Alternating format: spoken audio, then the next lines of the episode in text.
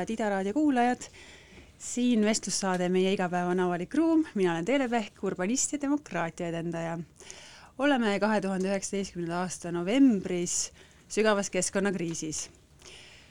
see saade käsitleb endiselt teemasid elukeskkond, inimeste heaolu ja demokraatia, kuid suuname teraviku rohkem just selle keskkonna ja kliimamuutuste teema suunas ja räägime sellest, kuidas peab linna planeerimine muutuma, kuidas peab üldse laiemalt ruumiloome või meie poliitikad muutuma selleks, et äh, me siin elu siin planeedil Maa säilitaksime.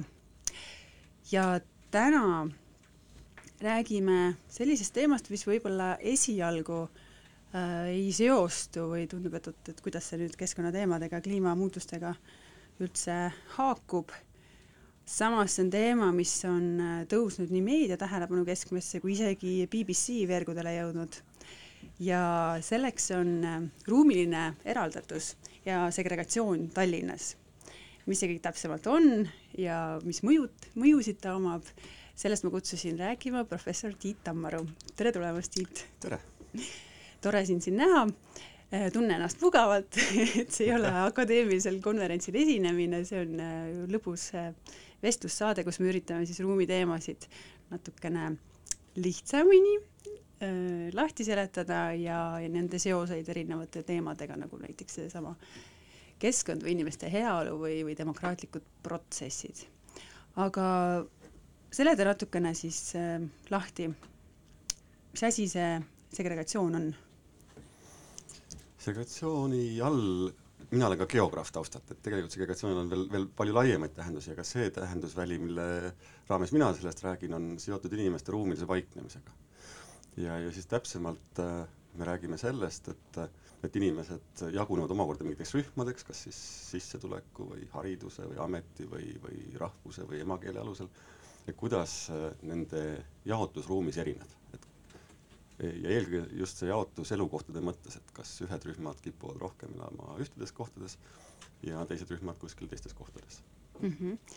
kas see, mis see eestikeelne vaste siis ongi, ruumiline eraldatus? no võib öelda jah, ruumiline eraldatus sellele tegelikult mm, -hmm. jah mhm. segregatsiooni kasutatakse ka levinult, et Arhitektide Liit korraldaski siin eelmisel nädalal oma aastakonverentsi ja pühendas äh, segregatsioonile siis kogu tähelepanu mm. -hmm. sina olid üks äh, peaesinejatest ja seal oli ka teistest äh, linnadest ja riikidest mm, esinejaid, nii akadeemikuid kui mitteakadeemikuid, kes siis rääkisid nendest sotsiaalsetest mõjudest ja mm -hmm. kõigest, mida segregatsioon omab, et kas sa saadki võib-olla mm, kuidagi lihtsalt ja, ja sissejuhatuseks lahti seletada, et et kui inimesed on siis ruumiliselt eraldatud, ütleme ühes linnas miks see oluline on või miks me üldse sellele peaksime tähelepanu pöörama? jah, et äh, mõnes mõttes, kui me alustame sellisest kõige akadeemi-, akadeemilisemast lähtekohast, siis äh, see eraldus tähendabki tõepoolest seda, et inimesed on kuidagi erinevalt paiknenud. ja, ja ta ei tähendagi mitte midagi rohkem, et, et ühed paiknevad ühtedes kohtades ja teised elavad ühtedes piirkondades, teised inimesed teistes piirkondades, et see ei pruugi olla ei mingisuguse kas positiivse või, või negatiivse tähendusväljaga, et, et lihtsalt äh, nii, nii ta on. aga noh, mida uuringud siis liis, siiski lisaks näitavad, et et kui erinevat laadi nagu erinevused kipuvad nagu kuhjuma, kas siis siin sissetulekute järgi, eks ole, veel ka ruumis paiknemise järgi, et sealt võivad, no ei pea tingimata, aga, aga võivad tekkida erinevat laadi probleemid. Äh, mingisugused pinged hakkavad kuhjuma ja, ja see, kuidas see täpselt toimub, see võib olla ka hästi erinev erinevates riikides, erinevates linnades, et et jah, et meil oli see konverents just ja, ja seal me rääkisime Euroopa võrdlusuuringust. ja meie jaoks oli tegelikult veel isegi kõige huvitavam moment see, kui meil see raamat välja tuli, kuidas seda üldse vastu võeti erinevates riikides, noh, meil oli kolmteist erinevat riiki, et, et kuidas seda siis vastu võeti ja ja, ja noh, üldine suundumus oli igal pool sama, et, et, et see erinevus on kasvanud. et just eriti me vaatasime jõukamaid ja vaesemaid natukene, et et noh, jõukamad igal pool on natukene rohkem hakanud koonduma oma piirkondadesse, seesama siin see Kalamaja tüüpi piirkonnad, eks ole, üle Euroopa on sellised linna keskpiirkonnad, kuhu jõukad tulevad ja, ja vaesemad pigem lähevad kuhugile natuke kaugemale.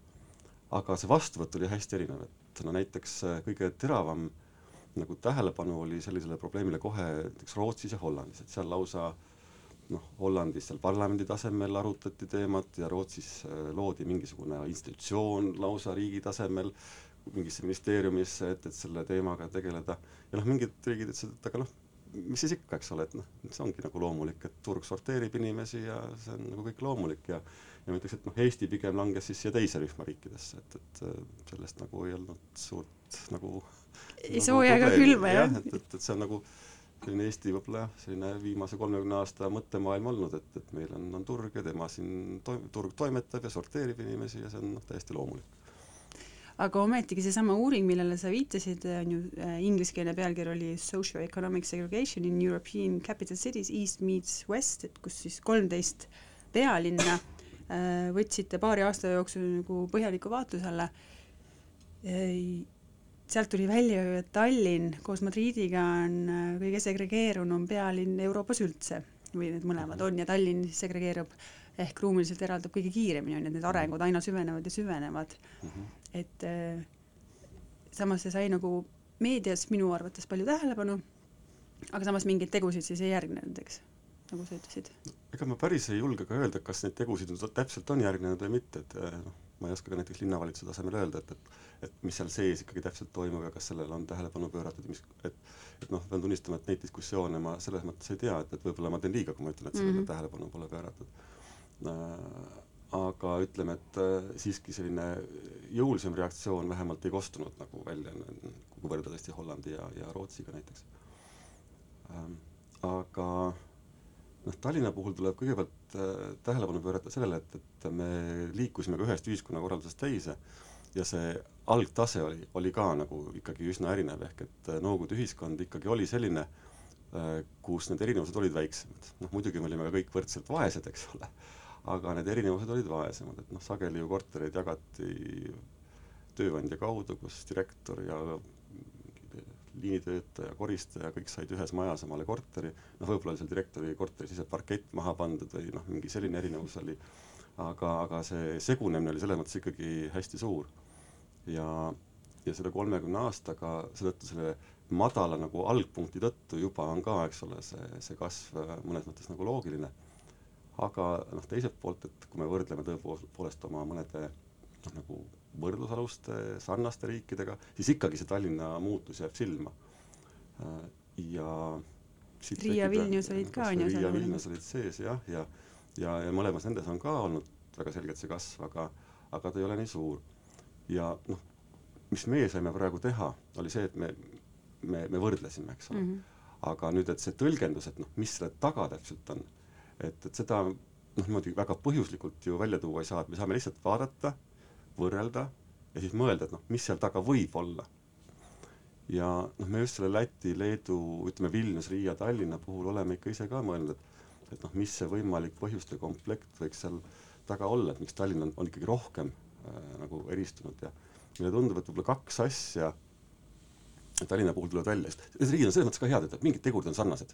me ei saa öelda, et, et noh, mingid äh, tegurid, meil on need suured magalarajoonid näiteks kõikides, meil on mingi sarnane ühiskondlik muutus olnud, me tuleme kõik plaanimajandusest, eks ole, ja nii edasi, et noh, mingid tegurid on meil sarnased, et me peame kuskilt mujalt otsima neid, neid, neid põhjendusi. ja, ja noh, meile tundub, et, et kaks asja tulevad esile, et üks on see, et et üheksakümnenda aasta majanduskriis oli muidugi võrdselt suur kõikjal, aga Eesti tuli sealt natukene kiiremini välja, kui me vaatame kas või nagu majanduskasvu muutust pärast üheksakümmend kaks, üheksakümmend kolme, siis ikkagi Eesti tuli sealt palju kiiremini välja võrreldes Läti ja Leeduga. Ja see majanduse arengu dünaamika on väga tihedalt seotud äh, elamuehituse ja, ja uuselamu dünaamikaga. ehk et äh, majandustsükkel mõjutab väga palju elamuehitust, eks ole ehk et äh, tänu sellele ka selline elamuehituse elavnemine oli, oli Tallinnas kiirem, tuli varem võrreldes Läti-Leeduga, siis teine tegur, mis tundub, et on natuke oluline, on see, et, et noh, mis on see vene vähemuse, vene emakeelega inimeste roll, ja siin tundub ka, et noh, Tallinn on selles mõttes nagu huvitav, et meil on selline fifty-fifty olukord, eks ole, enam-vähem on pooleks. ja, ja ütleme, et eestlaste samas tööturu muutused on olnud oluliselt dünaamilisemad, kiiremad võrreldes vene emakeelega, et noh, näiteks kui me just nimelt Tallinnat näiteks võrdleme, jätame muud äh, Eesti piirkonnad välja, et on nagu üks tööturg, eks ole. ja et, et mis siis ühel tööturul on vene ja eesti emakeelega inimestega ju, juhtunud, siis me näeme, et eesti emakeelega inimesed on ikkagi väga kiiresti liikunud noh, kõrgemini tasust-, tasustatud ametikohtadele. Äh, juhid, äh, tippspetsialistid on, on, on ikkagi valdavalt eestlased ja vene emakeelega inimestel on, on noh, nagu sageli öeldakse, mingi klaaslagi kuskil seal vahel mm, -hmm. et, et nad ei, ei, ei taha tõusta nii kõrgele, ka noh, avalik sektor näiteks isegi, et, et noh, väga vähe on ju vene emakeelega inimesi avalikus sektoris tööl, kõrgematel kohtadel eriti.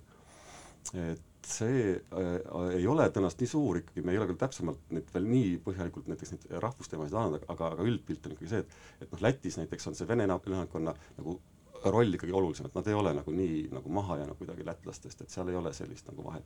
ja noh, Leedus on üldse see rahvusteema nagu Eesti, ütleme Leedu-Vene noh, teljel nagu oluliselt nagu vähem tähtis, noh vene elanikkonda seal palju vähem.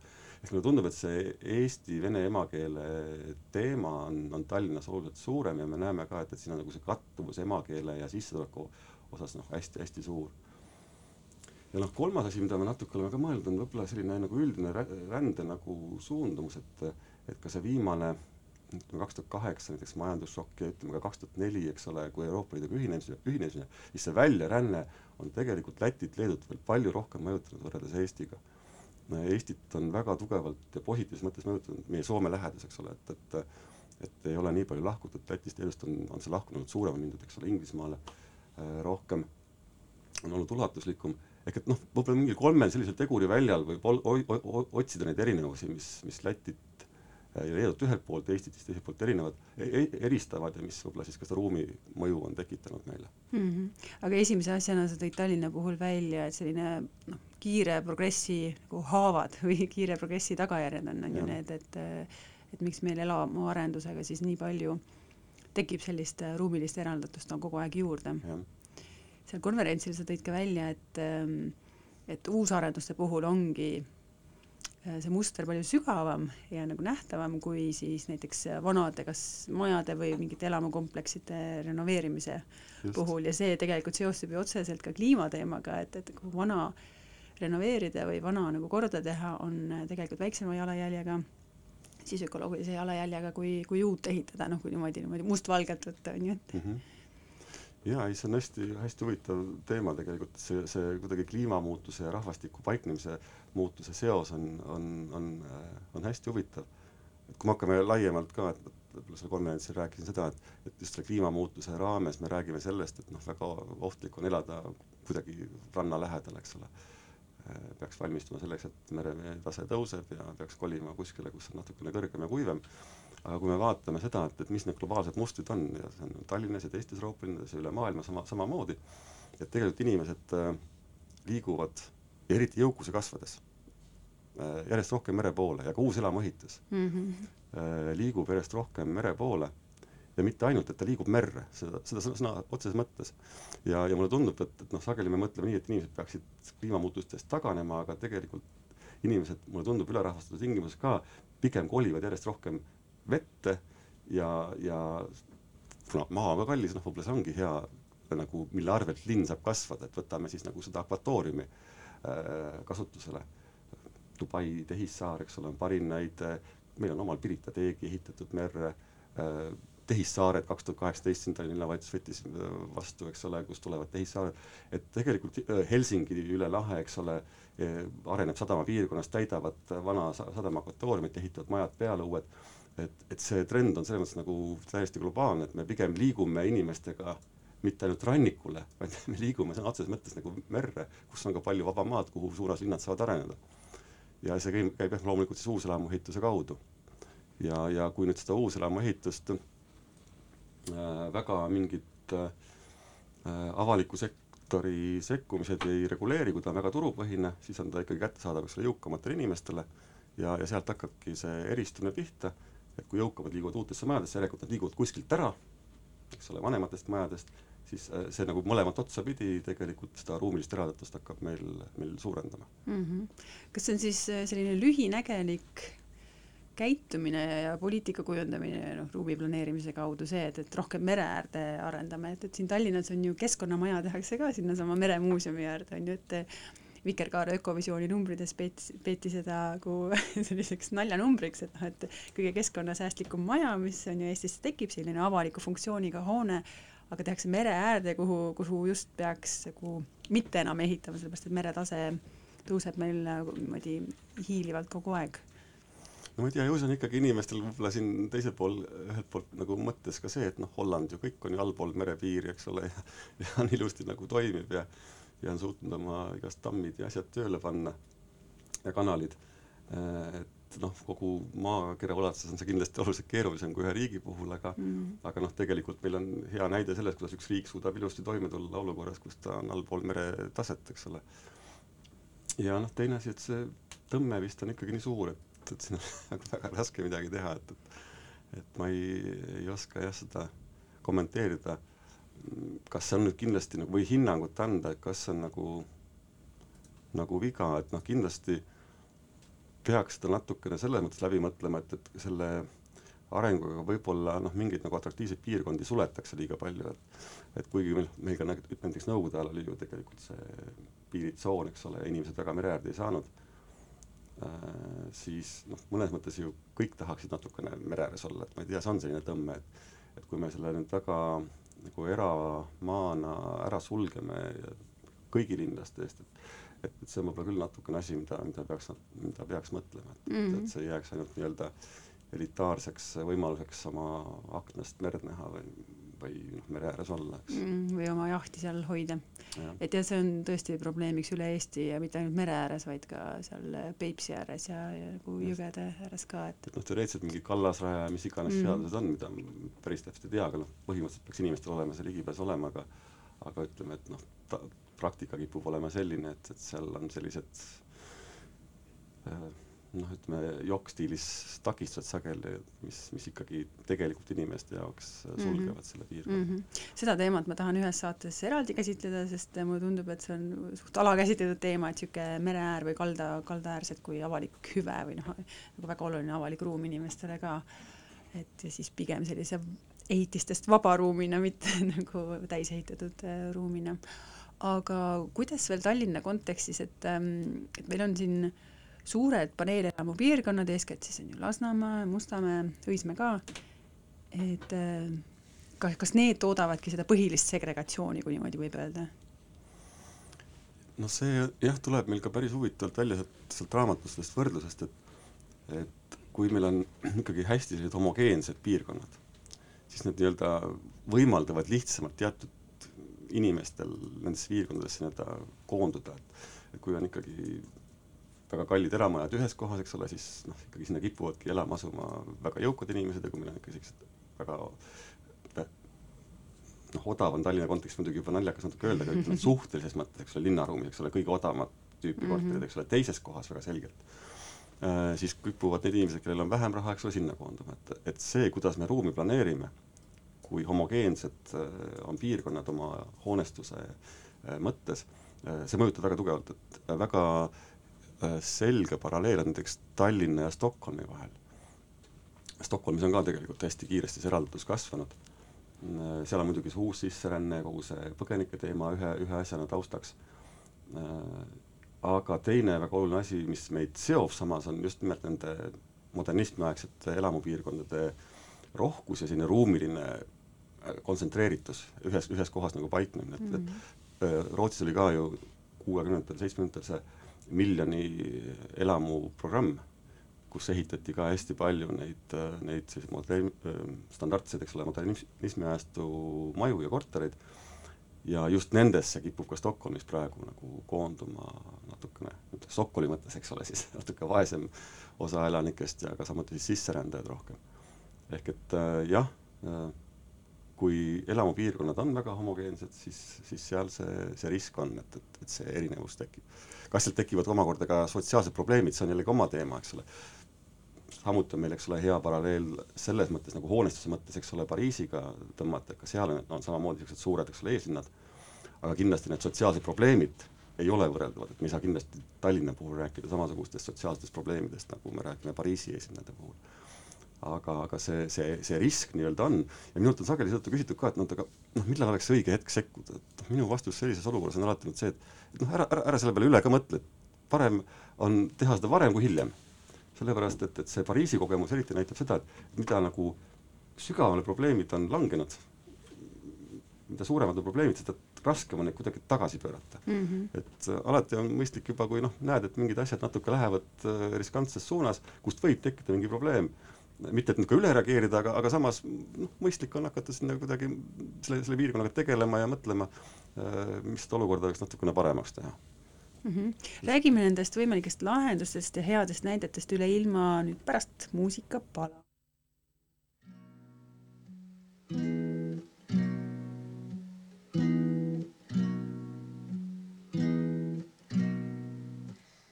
Time around has gone so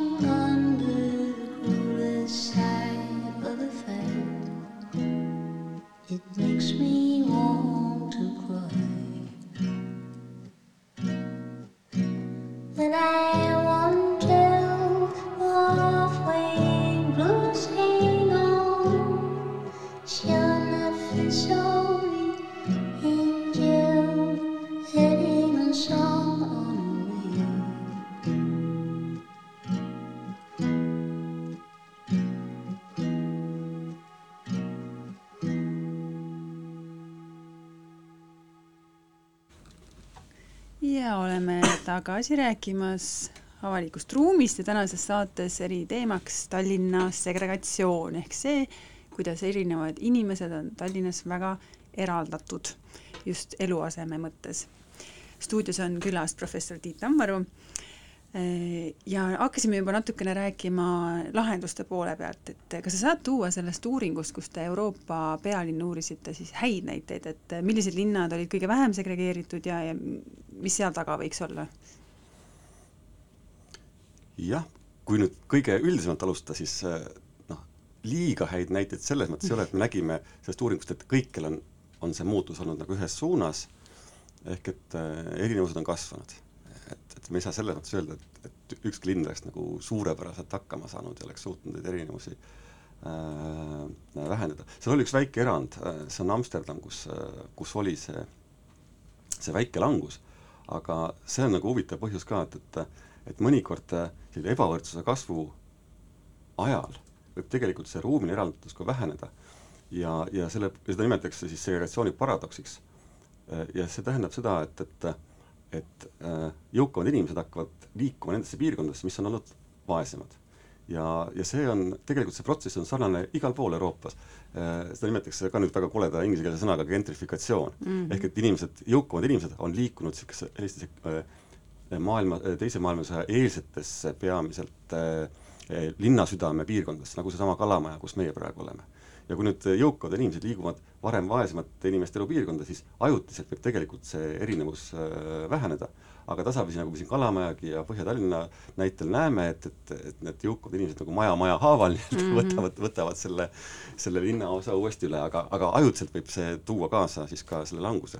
ja kuna see protsess on tegelikult kõikjal toimumas, siis, siis see natukene kõikjal Euroopas äh, mõjutab neid näiteid nagu vähendamise suunas mm. -hmm. et, et kuna igal pool sinna linna südamesse tulevad, ehk et kui seda protsessi sellisel kujul ei oleks, eks ole, et, et siis see, see muutus oleks veelgi suurem. nii et ütleme, et väga suures plaanis on ikkagi probleemide ees olnud kõik linnad.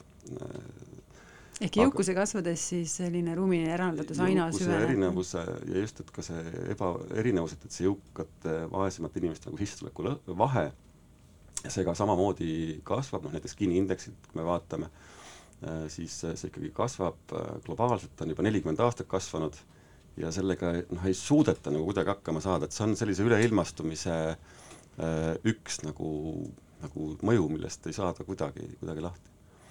nii et jah, et see suur pilt kahjuks on ikkagi pigem see, et erinevused kasvavad ja, ja üldiselt on veel omakorda see seaduspära, et, et mida nagu suurem on linn, mida globaalsema mõjuga ta on mm, -hmm.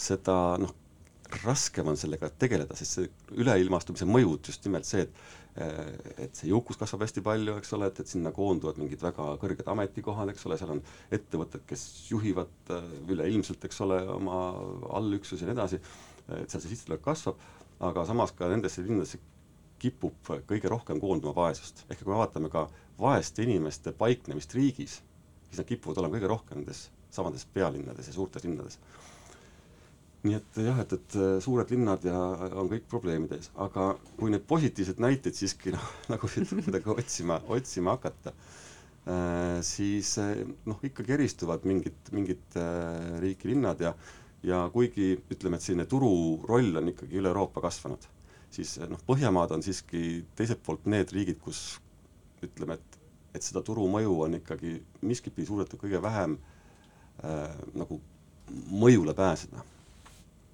ja, ja nii me näeme, et ikkagi Põhjamaades üldiselt on, on olukord natukene parem ja ja kui nüüd Põhjamaade linnasid omakorda veel täpsemalt vaadata, siis mina tooksin jah, Helsingi võib-olla meie üle lahe linna kõige parema äh, näitena, kus ka erinevus on kasvanud, me teame ka Soome, eks ole, kogu seda uut sisserännet palju tulnud, et see, see kogu see sisserände temaatika on, aga Helsingi on jah, olnud läbi aja ikkagi selline väga äh, tugeva linnapoliitikaga linn, et Soomes ei ole mingit nagu üldist nagu riigi tasandi poliitikat selles osas, vaid just, et, et linnade endi mm -hmm. nagu mhm. ähm, tegevus äh, on oluline või täpselt omavalitsuse, et ütleme Helsingis, Espoos ja Vandas juba on nagu need noh, poliitika teinud, aga me räägime eriti veel Helsingist endast, ka Helsingi linnast, äh, et siis äh, püütakse erinevate noh, poliitikatega, et seda nimetatakse nende segunemispoliitikat, eks ole, mixing policies, kus siis rõhk on sellele, et tõesti, kui me mingit piirkonda arendame, et me vaataks, et seal oleks eri tüüpi elamuid, eks ole, eri hinnaklassiga inimesi, et oleks eri tüüpi korterid, selles mõttes, et on ka mingi osas nendes äh,, oleks eri vanuserühmadele midagi ja, ja, ja selle kaudu ikkagi natukene seda äh, turupõhist nagu kiiret äh, eristumise kasvu peatada, kus jõukad ikkagi liiguvad ainult üksi, ainult nendesse uus, uuselamu piirkondadesse nii et Helsingi, ma arvan jah, on, on selles mõttes parim näide. ja, ja teiselt poolt need, ütleme, sellised vähem atraktiivsed piirkonnad, noh nagu meilgi need ütleme, sellised nagu nõukogudeaegsed piirkonnad on, et sinna ikkagi püütakse ka hästi palju panna raha sisse, et noh, kui me ikkagi läheme Helsingis mõnda sellisesse piirkonda, siis noh, teiste riikide inimesed ütleksid, et noh, et mis probleemid siin teil üldse on, et see on nagu ilus, korrastatud, renoveeritud, eks ole, et, et et see noh, väljast vaatajale ei tundu see küll mitte kuidagi nagu selline äh, piirkond, kus nagu nüüd vaesed peaksid tingimata elama, eks ole mm. -hmm. Äh, aga uuringust tuli välja, et Oslo on kõige vähem segregeeritud siis nende kolmeteistkümne pealinna Just. võrdluses. mida seal hästi tehakse, lisaks sellele, et neil on palju naftat? no vot, Oslo on jah, selles mõttes hea näide sellest, et, et kui üldiselt on tõepoolest niimoodi, et, et mida tugevam on turu mõju, Äh, seda kiiremini kipub juhtuma nii, et, et jõukamad hakkavad ühtedesse piirkondadesse liikuma ja, ja siis jätavad siis nii-öelda natuke vaesemad, vähem jõukamad, mis iganes termin, see vaene on väga paha termin üldse siin linnade termini kontekstis. maha jäänud Nat-, natuke vähem jõukamad, eks ole äh,, jäävad teistesse piirkondadesse. ja muuseas, mis on siin hästi huvitav asi, et me pärast võib-olla sellest veel pikemalt rääkida, aga aga me räägime, eks ole, jõukamatest ja vähem jõukamatest inimestest ja tööturu ebavõrdsusest, eks ole. aga mis on veel hästi huvitav, on, on ju tegelikult see, et inimesed elavad tavaliselt peredes mm. -hmm. muidugi üksikuid on ka suurtes linnades järjest rohkem, aga elavad peredes. ja, ja kuidas paarid tekivad? et selle, tekivad nad tavaliselt niimoodi, et, et sarnased tõmbuvad. ehk et jõukad leiavad omale jõuka partneri ja, ja vähem jõukad leiavad vähem jõuka partneri, sageli leiavad nad selle koolist juba või kuskilt ülikoolist või mis iganes, eks ole, mingitest võrgustikest mis on kuskilt haridusest ja, ja tööturult ja nii edasi tulnud, ehk et sarnased tõmbuvad, noh, meil on väga vähe selliseid abielusid ka üle näiteks ikkagi rahvuste, meil on ikkagi väga, väga vähe eesti-vene abielusid endiselt, või siis, et väga kõrgharidusega inimesed on näiteks mingi põhiharidusega inimesega mm -hmm. kooselus, et, et neid juhtumeid on ikka suhteliselt vähe. ehk et tegelikult elamuturul võimendub see erinevus, mis meil on tööturul tekkinud ja see tähendab seda, et, et noh, pangalaenu võtmise võime on erinev, üürimakse tasumise võime on mm -hmm. erinev, ehk et see tööturu erinevus tegelikult äh, elamuturul võimendub äh, just nende noh, paarisuhete ja, ja, ja perede tekke tõttu. aga nüüd Oslo juurde tagasi ja nüüd äh, tulles Oslo juurde, et, see on nagu see, et kui sul on turumajandus mm, -hmm. siis, siis see kõik nagu, nagu võimendub. nii, ehk et turg üldjuhul tekitab selle kiire eristumise. ja mis on nüüd põnev, Oslo on turupõhine elamuturg mm.. Oslos on turupõhine elamusektor. ta on kõige turupõhisem elasektor äh, Põhjamaades äh,. Helsingi on kõige vähem turupõhine äh,, Stockholm on liikunud vähem turupõhisest rohkem turupõhiseks äh,. aga Oslo on nagu kogu aeg olnud turupõhine. seetõttu võib öelda, et nojah, aga võib-olla see turg pole oluline, aga siin tulebki just nimelt mängu ikkagi see Norra riigirikkus. ehk et sul võib olla küll elamusektor turupõhine aga kui sul ikkagi muud sotsiaalsüsteemid on sellised, mis äh, hoiavad seda võrdsust ikkagi inimeste vahel ja jagavad seda, seda ümber, siis on võimalik seda turu negatiivset mõju, ütleme, jätame selle negatiivset vahet ära, turu mõju siis vähendada ja, ja noh, Norra on see riik, siin ei ole nagu midagi öelda, kuigi noh, Oslos on endiselt ka ikkagi selline ida ja lääne piirkonnad, eks ole, ikka need erinevused on natuke sees, aga, aga jah, et, et see, see jõukus on see, mis see riigi raha, mis mm -hmm. tasandab need erinevused ära. vaatamata sellele, et Oslo elamuturg on, on ka täiesti nii-öelda turupõhine mm. -hmm. Väga põnev. ehk siis kõik mängib kokku selle nimel, et, et no ikkagi just, et see, et me ei saa, me ei saa välja öelda, et vot just nüüd üks see tegur on, eks ole mm., et et, et see turg, eks ole, et, et, et see et ikkagi tekib nagu igas riigis mingisuguse tegurite kombinatsioonina, et, et sul on nagu mingid üldtegurid, millel on mingi mõju, aga see, kuidas nad kohalikul tasemel kombineeruvad, see ikkagi annab selle lõpliku tulemuse, et noh, mis ühes või teises linnas tegelikult meil toimub mm. -hmm, mm -hmm. ehk siis äh, Tallinnal on lootust küll, sest Tallinn on ka väga turupõhine ju jah, et Tallinn on ka turupõhine ja see kindlasti on ikkagi üks põhjus ja noh, kui me alustasime sellest, et, et Tallinn on, eks ole, üks kõige enam nagu muutunud linn, siis äh, teine selline hästi muutunud linn on hoopistükkis äh, Madrid meie, meie uuringus, aga ka Madrid on samamoodi selles mõttes selline hästi turupõhine, ütleme see Lõuna-Euroopas on ka hästi turupõhine tegelikult see elamu, elamusektor ja me teame, et no Hispaanias oli ka siin hästi suur elamubuum, see kahe tuhandendal, see küll kaks tuhat kaheksa lõppes, aga aga meie andmetes veel see, see buumi mõju on ikka väga selgelt sees, see uuselamuehitus oli hästi suur. see on samamoodi turupõhine ja selline kiire turupõhine elamuehitus, mis kontsentreerub, koondub mingitesse piirkondadesse, on just see, mis, mis selle eristamise kiiresti tekitab mm. -hmm. No, hüppa natuke mitte teisele teemale, aga seonduvale teemale, et ähm, sa olid äh, viimase inimarengu aruande peatoimetaja, siis ilmus kahe tuhande seitsmeteistkümnendal aastal ja keskendus rändeajastu mõjudele Eestile. ja seal te tõite siis koos kaasautoritega välja segregatsiooni nõiaringi termini mm. -hmm. et kas sa saad ähm, selle lahti seletada selles võtmes, et ähm, kui meil ongi rändeajastu, inimesed niikuinii liiguvad äh, vabamalt ringi, aga samas äh, kliimakeskkonna teema tekitab ka uusi ringirändajaid ja uusi elukoha otsijaid ehk kliimapagulasi ja igasugused kodusõjad ja konfliktid veel sinna juurde. et selles valguses jah, Eestisse ei ole oodata suuri masse, aga sellegipoolest, et võib-olla ka üldistades, et, et äh, mida siis tuleks teha nii omavalitsusel kui, kui riigil, et sellist süvenevat segregatsiooni vältida, mis võib ju siis ka üks hetk mingiteks tänavakonfliktideks või, või noh, tõsisteks sotsiaalseteks probleemideks lahvatada mm. -hmm. kui sellest nagu nõiaringist alustada, siis ähm, jah, me tõime selle välja inimarengu aruandes, et, et, et see eristumine erinevates elusfäärides kipub nagu korduma. et me praegu oleme rääkinud hästi palju eluasemetest ja juba rääkisime sellest, eks ole, et tegelikult need tööturu erinevused eluasemel äh, eluasemeturul võimenduvad ja see ongi nagu juba, juba üks element sellest nõiaringist, et noh, tõepoolest äh, rahakoti paksus mõjutab meie valikuid. et, et, et mõnes mõttes üks hea kana-, Kanada kolleeg on öelnud hea, hea, hea nagu kokkuvõtliku sõnumi, et, et raha ostab valikuid mm. -hmm ja ostab valikuid ka eluasemeturul, et mida rohkem sul raha on, eks ole, seda rohkem saad valida, mida vähem sul raha on, seda vähem saad valida äh,. aga noh, sellest üksi ei piisa, et see erinevus tekiks, et, et sul on palju raha, peab olema mingi eelistus, eks ole, et sa lähed teatud kohta elama, eks ole. Äh, ehk see eelistuste erinevus peab olema ja sul peab olema ka võimalus, eks ole, minna, ehk need kolm asja kokku. ja kui jõukatel inimestel on äh, palju rohkem raha, neil on eelistus kuhugile minna ja neil on ka võimalus kuhugile minna, et need uued elamud näiteks on kuskil väga selgelt ühes kohas, et siis hakkab see segregatsioon äh, toim-, toimima ja just seetõttu ta võimendub, nagu öeldud, et, et kuna sarnase sissetulekuga inimesed kipuvad olema ka peres koos nüüd, kui hakkab see erinevus kandub eluasemeturule, siis äh, see hakkab omakorda mõjutama tegelikult ka lapsi.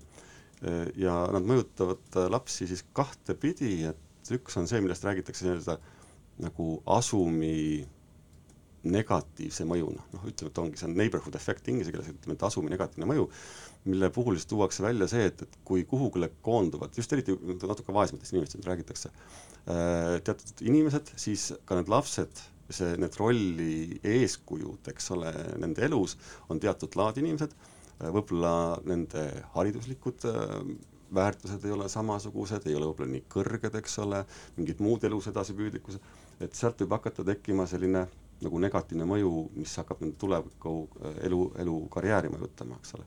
aga teine on see, et koolid on meil ka piirkonnapõhised, ehk et lapsed Äh, kes ühes piirkonnas elavad oma vanemate siis ostujõu tõttu, äh, siis käivad ühes piirkonnas koolis ja ja, ja, ja sealt, eks ole, samamoodi tekivad need võrgustike juba lahknemised, et meil on nagu jõukamad inimesed ja lapsed ühes kohas ja, ja vaesemad inimesed ja lapsed teises kohas.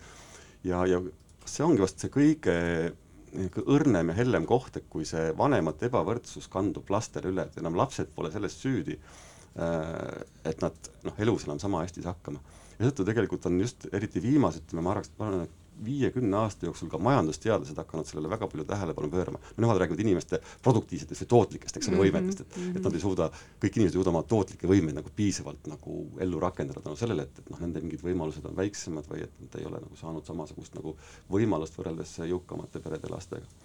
nii et jah, et, et see elukoha erinevus kipub äh, siis koolidesse kanduma laste mingitesse õpitulemuste, haridusvalikutesse, väärtustesse. ja, ja noh, muidugi haridus omakorda jällegi sidestub tagasi tööturule, ehk et, et see, see nõiaring nagu mõnes mõttes sulgubki, eks ole, et, et äh, et, et see on jah, kõige ohtlikum, see põlvkonna hüpe, mis tekib äh, eluturu, eluasemeturult koolile ja haridusele. nii et, et see on, ma arvan, üks selline koht, millega peab ka kõige rohkem, rohkem nagu tegelema et meie haridussüsteem ka väga ei toeta seda, kui, et vene koolid on eraldi ja siis lasteaedades ollakse eraldi, et, et kuidas eh, inimarengu aruandes tõite ka konkreetseid soovitusi välja, aga võib-olla kui sa siin lühidalt tooksid välja mingid eh, põhilised pidepunktid, et ku, noh, kuidas näiteks eesti-vene kodukeelega lapsi rohkem kokku tuua just alates lasteaiast või siis koolist juba? No see on, eks ole, selline hästi õrn teema ja nagu me näeme, see, see ei, ei liigu paigast ei, ei ühes ega, ega teises suunas meil mm,. kuna siin ei ole kuidagi võimalik seda poliitilist konsensust äh, saada, noh kindlasti on see samas see teema, millega, millega peab tegelema, et äh, see, et me juba, eks ole, kolmandast eluaastast põhimõtteliselt ikkagi sorteerime lapsed eri, eri, noh, keele, mitte, mitte muude huvide, muude tegurite, vaid just nimelt keele alusel eri, eri nagu maailmadesse eh,, ei saa ju kuidagi tulla pärast üllatusena, et, et, et nad ka tööturul erinevad, eks ole, nende muud valikud hiljem erinevad, et see on selles mõttes, et noh, teadlik protsess olnud ja, ja see jätkub edasi. noh, kõige lihtsam asi on, kui, kui suudeta nagu ühtset koolisüsteemi luua, noh tõepoolest, võta need tarad sealt kahe kõrvuti asevalt vene ja eesti lasteaia vahelt ära, tehke mingeid ühiseid üritusi, kas või hoovis, eks ole, mingid spordimängud, muidugi mitte nii, et et vene lapsed võistlevad eesti laste vastu mm, -hmm. vaid, vaid kuidagi noh, natukene lapsi segada, sest lastel, minu oma laps ka, ma täitsa niimoodi isegi võiks öelda natuke eksperimendi mõttes, mul mõlemad lapsed käisid äh, Lasnamäel lasteaias et lastel ei ole tegelikult mingit probleemi, et lapsed saavad väga see probleem on ikka vanemate peades ja, ja täiskasvanute peades, mitte laste peas. lapsed saavad omavahel väga hästi hakkama, isegi kui nad oma keelest aru ei saa, nad suudavad ära suhelda, eks ole, mis iganes kujund, kujundite moe, abil või mis iganes. et noh, lapsi võiks igal juhul püüda kokku tuua, isegi kui me süsteeme ei suuda kokku viia. võib-olla mõni ühine uus pidupäev, kus saavad natukene lapsed rohkem kokku, ühesõnaga et, et, et nad ju füüsiliselt on tegelikult ju kõrvuti, seal on ainult see tara vahel meil praegu. et, et kui seda tara seal natukene maha võtta, äh, oleks juba esimene väike samm ikkagi edasi mm.. ja siis need haridussüsteemi uuendused sinna ja, otsa? sinna tasapisi otsa jah ikkagi, et haridussüsteemi uuendused, et et ma saan aru ja tegelikult need hirmud on ju haridussüsteemis kahepoolsed, et et ühelt poolt vene pered, noh, et me kaotame oma keele, identiteedi, kultuuri, aga sama hirm on natuke ju Eesti vanematel, et aga noh, tulevad need vene lapsed meie, mis siis saab, eks ole, et kuidas nende eesti keel ja nii edasi on, aga aga noh, parem on ikka see, kui kõik need probleemid kuskil äh, klassiruumis omavahel läbi arutatakse, alates oma erinevast ajaloo kogemusest ja nii edasi, kui, kui kui jätakse need asjad nagu õigel ajal äh, läbi rääkimata ja siis noh, ikkagi lõpuks meil tööturul ja igal pool mujal nad, nad, nad välja löövad, et sellest ju pääsu ei ole mm. -hmm aga kuidas eluasemepoliitikaga saaks sellist segregatsiooni nõiaringi nagu noh, lahti lükkida või ennetada? eluasemepoliitika, jah? just, ma mõtlen näiteks Tallinna linna planeerimise mhm. poolt mm, -hmm. et no siin on kindlasti ka väga palju võimalusi ja, ja noh, sageli kui me sellest räägime, et, et avalik sektor peaks kuidagi tulema sisse elamuturule ja, ja toimetama, me teame, et üheksakümnendatel meil läks avalik sektor täiesti välja, et see on ikka natuke unikaalne, me räägime superomanike ühiskonnast tegelikult Ida-Euroopa ja Tallinna mm., Tallinna kontekstis ka äh,, on see, et, et avalik sektor peab hakkama raha sisse panema, see ei ole niimoodi, et seda peab raha tegema, raha sisse panema, et meil on nii palju näiteid sellest, kuidas avalik sektor ka ilma rahata äh, on suutnud palju saavutada ja samuti on näiteid sellest, kus avalik sektor kohutavalt palju raha sisse pannud, pole mitte midagi suurt saavutanud noh, viimane näide on, eks ole, Pariisi eeslinnad, et et see on nagu ju meeletu, missugust raha on äh, pandud sinna, seal on need kümned ja kümned miljardid, mis sinna on pandud ja noh, tulemus on endiselt kehva äh,. noh, samas võtame teise eks-, ekstreemumi, Poola, eks ole, kõik äh, modernism ja majad on korda tehtud ja riik pole sinna sentigi ise raha sisse pannud, et et, et see ei ole niimoodi, et, et see tähendab tingimata kohe nagu suure raha mm. sissepanemist Äh, küll aga peaks ta kuidagi noh, sisse tulema ja, ja, ja mõtlema selle teema peale. ja noh, kindlasti esimene asi on see, et noh, me saame noh, planeeringute kaudu näiteks midagi mõjutada. Noh, kui korra hüpata uuselamute planeerimisse, kuigi see ideaalselt ei tööta, aga meil on palju näiteid sellest, Soome näide, eks ole, tegelikult siiski ka Londonis ja nii edasi, kus arendajatele ikkagi antakse mingid reeglid ette, et noh, kui mm -hmm. sa mhm. mingit piirkonda arendad, seal peab olema natuke eriilmelisi erinevatele rühmadele mõeldud mõeldud eluasemeid, ikkagi mõned sotsiaalkorterid võib-olla ka, eks ole, seal sees, et see on kuidagi nagu loomulik, et, äh, et see peaks kuidagi, ja see tähendab muidugi natuke väärtushinnangute muutust, muutumist inimeste puhul ka, ma saan aru, et Eestis sageli ka linnajuhid ei julge seda nagu teha, sest noh, et et see võib-olla on inimestele vastuseis, aga me peame natuke seda võib-olla väärtushinnangut muutma, et tegelikult see, kui kõigil läheb hästi, on kokkuvõttes kõigile nagu hea. kujutame lihtsalt ette, et kui näiteks eesti-vene emakeelega inimesed saaksid samasugust palka nagu Eesti inimesed, meil oleks riik kohe hüppeliselt palju jõukam, kui ta on täna mm. -hmm et, et, et, et me kaotame ju ise sellega väga palju, kui meil need, need lõhed on väga suured. ehk et noh, see, see jah, viib meid natuke selle väärtushinnangute juurde ka. aga jah, et planeeringud on need, kus, kus linn saaks ennast ikkagi natukene kehtestada no mis natukene tegelikult omavalitsuste, omavalitsused ongi need lõpliku noh, otsuse tegijad on ju ja, ja peavad kaalutlema ja just. peavad siis seda avalikku huvi ka esindama ja kaitsma, et sest noh, Ida-Euroopa linnade puhul meil ongi ju tulnud lausa see mõiste sisse, et investori juhitud linnade areng. investor-led mm -hmm. urbanism, eks ole, et et noh, Amsterdamis ei tule ikkagi linnavalitsusel nagu pähegi see asi, et, et, et laseb arendajal dikteerida, et, et no muidugi seal on ka see erinevus, et nendel on maa, aga, aga see maa ei ole siin ainukene nagu keskne termin, et, et et seda selgroogu ja jah, samas ma ikkagi, mulle tundub, et linnal on, on seda selgroogu vaja ka ikkagi tekkinud ka, et, et, kui ma mõtlen näiteks kakskümmend aastat tagasi täna, siis ma siiski, mulle tundub, et linnal seda selgroogu on, on siiski tekkinud, aga, aga selle selja võiks ikkagi veel julgemalt sirgu või noh, sirgu tõmmata, et et kes siis ikkagi vastutab terviklikult linna eest, kui mitte, mitte linnavalitsus ja igal arendajal on oma, omad huvid, loomulikult peab neid arvestama, loomulikult on see tähtis, et, et arendajad linnas toimetavad aga, aga nendel on ikkagi oma selline väga kitsas, kitsas erahuvi ja linn on see, kes peab seda tervikpilti vaatama. Äh, ja, ja noh, teine kindlasti teema, mida, mida peaks rohkem mõtlema, on selline noh, renoveerimiste temaatika, et et noh, nagu meil siit jutust on juba korduvalt välja tulnud ja me oleme Tallinna puhul seda hiljem ka nagu täpsemalt vaadanud, et et ilmselgelt vanades majades, ka siis, kui nad on renoveeritud, on see sotsiaalne mitmekesisus ikkagi palju suurem kui uutes majades ehk et kui me suudaksime neid vanu maju ikkagi natukene rohkem ja, ja paremini renoveerida, eh, siis võib-olla kõik need natuke jõukamad inimesed kohe ei läheks sealt minema, sest noh, sageli on ka see, et sul tekib kuskil seal korteriühistus vaidlus ja, ja noh, et siis need, kes on nagu kärsitumad ja siis ka jõukamad ja kellel on võimalus, siis lähevadki minema selle asemel, et noh, püüda see maja mm. korda teha. Eh, ehk nende renoveerimiste toetamine oleks kindlasti hästi oluline noh, nagu sa enne välja tõid, selle teema seosega kliimamuutustega, eks ole, et et noh, kindlasti oleks see palju säästlikum, kui me taaskasutaksime olemasolevat selle asemel, et me massiliselt äh, uut juurde ei ehitaks mm. -hmm. noh, loomulikult on ka siin omad probleemid, aga, aga, aga renoveerimiste toetamine, jällegi ma ei mõtle siin alati seda, et, et see peaks olema noh, nagu raha sissepanemine, aga ma kujutan ette, et siin võiks olla just nagu kõigepealt ikkagi selle nagu põhimõttelise suuna toetamist, et, majad võiks korda teha. et olla nagu jõulisem selle sõnumiga kuidagi. kuigi lõpuks meil iga maja ise ei otsusta, eks ole, mis ta teeb. võib-olla ikkagi läbi mõtlema veel selle, et noh, kuidas see rahastamine käib. noh, KredExi mõju, nagu me teame, on hästi suur ja mis tundub, et praegu on selline natukene paha areng Tallinna suhtes, et need KredExi investeeringud on, on minemas Tallinnast välja.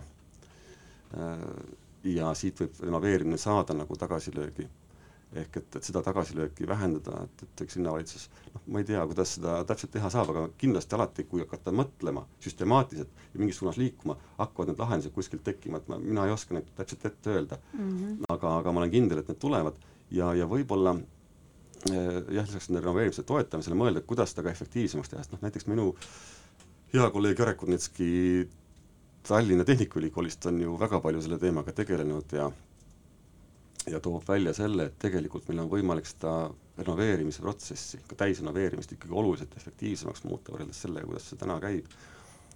ja selle mõtte taustaks on tal see, et, et et paljud need, eriti noh, modernismi aja majad on meil ju tüüpmajad, mingi mudelipõhiselt ehitatud majad, ja see võimaldab tegelikult ka renoveerimist teha nagu efektiivsemaks, et sul on mingid noh, nii-öelda tüüplahendused, see ei tähenda, kõik majad peavad ühtemoodi renoveeritud saama mm, -hmm. aga sul on ikka mingid tüüplahendused äh,, väga palju tööd saab viia äh, tehasesse, mitte, mitte platsi, ehitusplatsile, võimalikult palju lahendusi, detaile, asju tehases valmis teha äh,, ja me teame ju, et tööjõukulu on see, mis on hästi suur ja mis selle renoveerimise protsessi viib ju kalliks.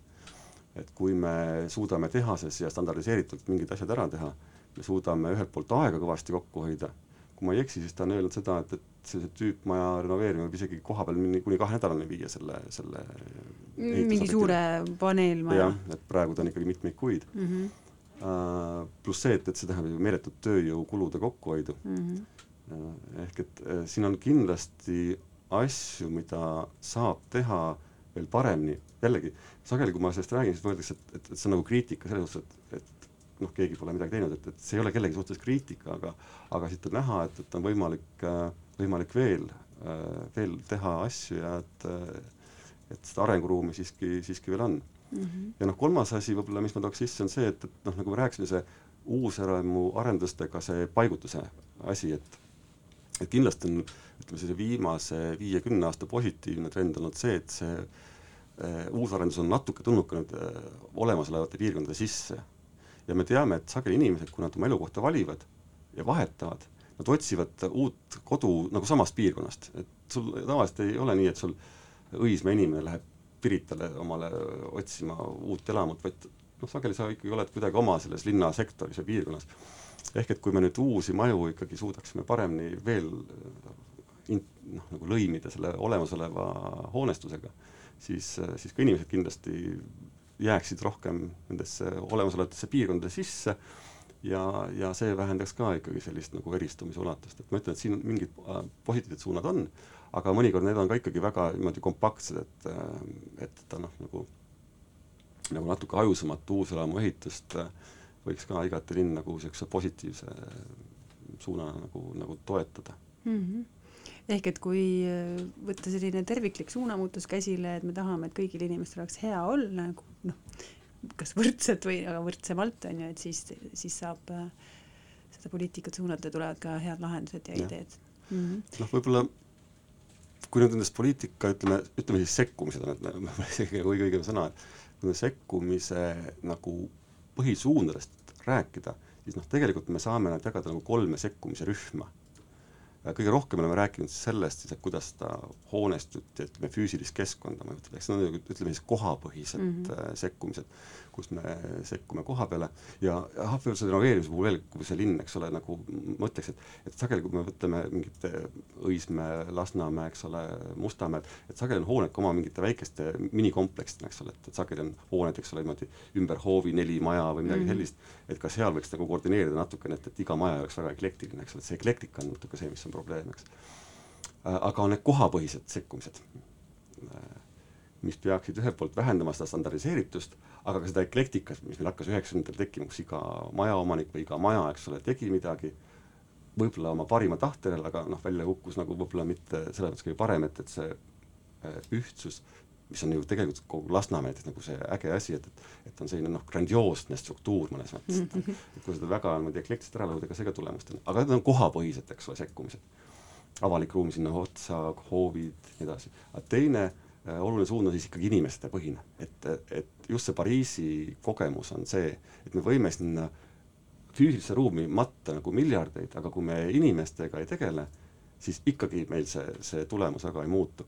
ja noh, siin me natuke rääkisime sellest, et meil on ka see eh, etniline keeleteema, see on tegelikult kõikjal Euroopas mm, -hmm. sisserändel on koondunud nendesse, ehk et kui me sellist lõimumise äh, inimeste nagu haridusega seotud teemasid tõsiselt ei võta, siis samamoodi me ei saa tulemust.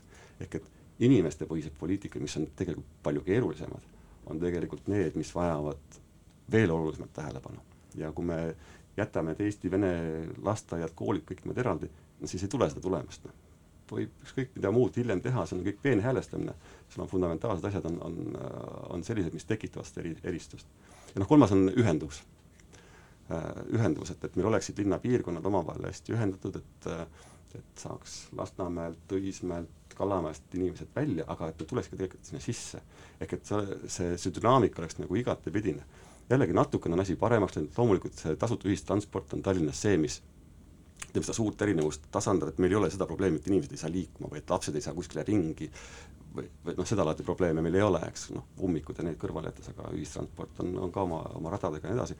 Nii et, et see on nagu hea, aga, aga just, et ka see võib-olla see teistpidine, et, et inimesed tuleksid, et oleks põhjust minna kõikidel linlastel, mitte ainult Kalamaias ja Telliskivisse, eks ole, üle linna tullakse siia hea meelega aga noh, samamoodi võiks minna, eks ole, Lasnamäele, seal võiks olla midagi sellist, mis tõmbab äh, Õismäele, jällegi siin on võimalik äh, linnal ja riigil noh, mingisuguseid nii-öelda märgilisi asju teha ka. üks asi muidugi teeninduse poolega, aga ka märgilisi asju, et noh näiteks äh, Antwerpenis linn teadlikult oma avaliku raamatukogu pani kõige vaesemasse kohta mm. -hmm. et, et, et tuua sellega äh, teist laadi inimesi ja, ja liikumisi, et äh, et just, et see nagu ühendus, et jällegi, kui sa tead mingit piirkonda, näed, ah, polegi siin hull Lasnamäel elada, eks ole, aga kui sa üldse ei satugi väga sinna, see on sinu üldse nagu mentaalselt kaardilt nagu kadunud, et, et see on nagu probleem, et niisugune ühenduvuse, liikumise, et inimesed nagu tarbiksid või no oleksid, eks ole, igal pool, et, et et see on nagu selline kolmas nagu sekkumiste, sekkumiste valdkond mm. -hmm. ühesõnaga süsteemne lähenemine nii ruumipõhiselt, inimestepõhiselt kui ühenduvuste või sellise liikuvuse ja. vaatest, aga mulle tundub, need on ikkagi kõik äh, kas omavalitsuse või siis nagu riigi või üldse nagu laiemalt avaliku sektori ülesanded, kas midagi sa saad siia lõpuks tuua, meil on veel ainult umbes üks minut jäänud rääkida, et kas inimesed, elanikud ise ka saavad midagi teha? Et seda ruumilist eraldatust vähendada, et ise mitte sinna lõksu võib-olla langeda? jaa, saavad kindlasti teha, aga siin on natuke see probleem, et et ongi see inimeste tegevus meil Tallinnas natuke seda erinevust pigem nagu süvendanud, et meil on, et teatud mõttes aktiivsed inimesed äh, koondunud rohkem ühtedesse piirkondadesse vähem aktiivsed teistesse, et siinsama jällegi see Kalamaja, eks ole, kõik need äh, piirkonnad on aktiivseid inimesi täis ja ja võib-olla siis jah, ütleme kuskil äh, mõnes piirkonnas on, on neid aktiivseid inimesi vähem.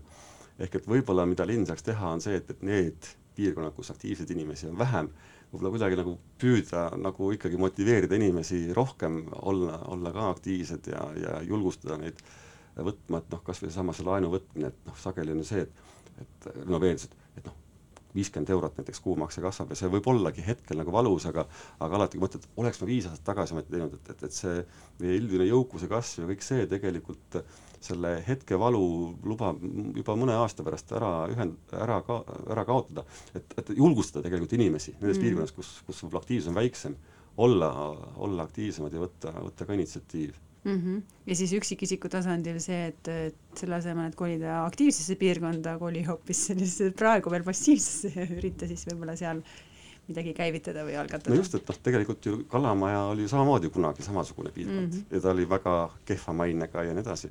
et äh, see maine ja aktiivsus, see kõik võib muutuda, et, et see samamoodi võib kunagi juhtuda Lasnamäel, Mustamäel, Õismäel samamoodi, eks ole, ja seal mingeid tendentse on võib-olla nähagi juba selles suunas mm. -hmm. Aga suur tänu, Tiit sinuga oli ääretult põnev vestelda, kahjuks meil sai see tunnike nagu linnulennult läbi. järgmiste kordadeni.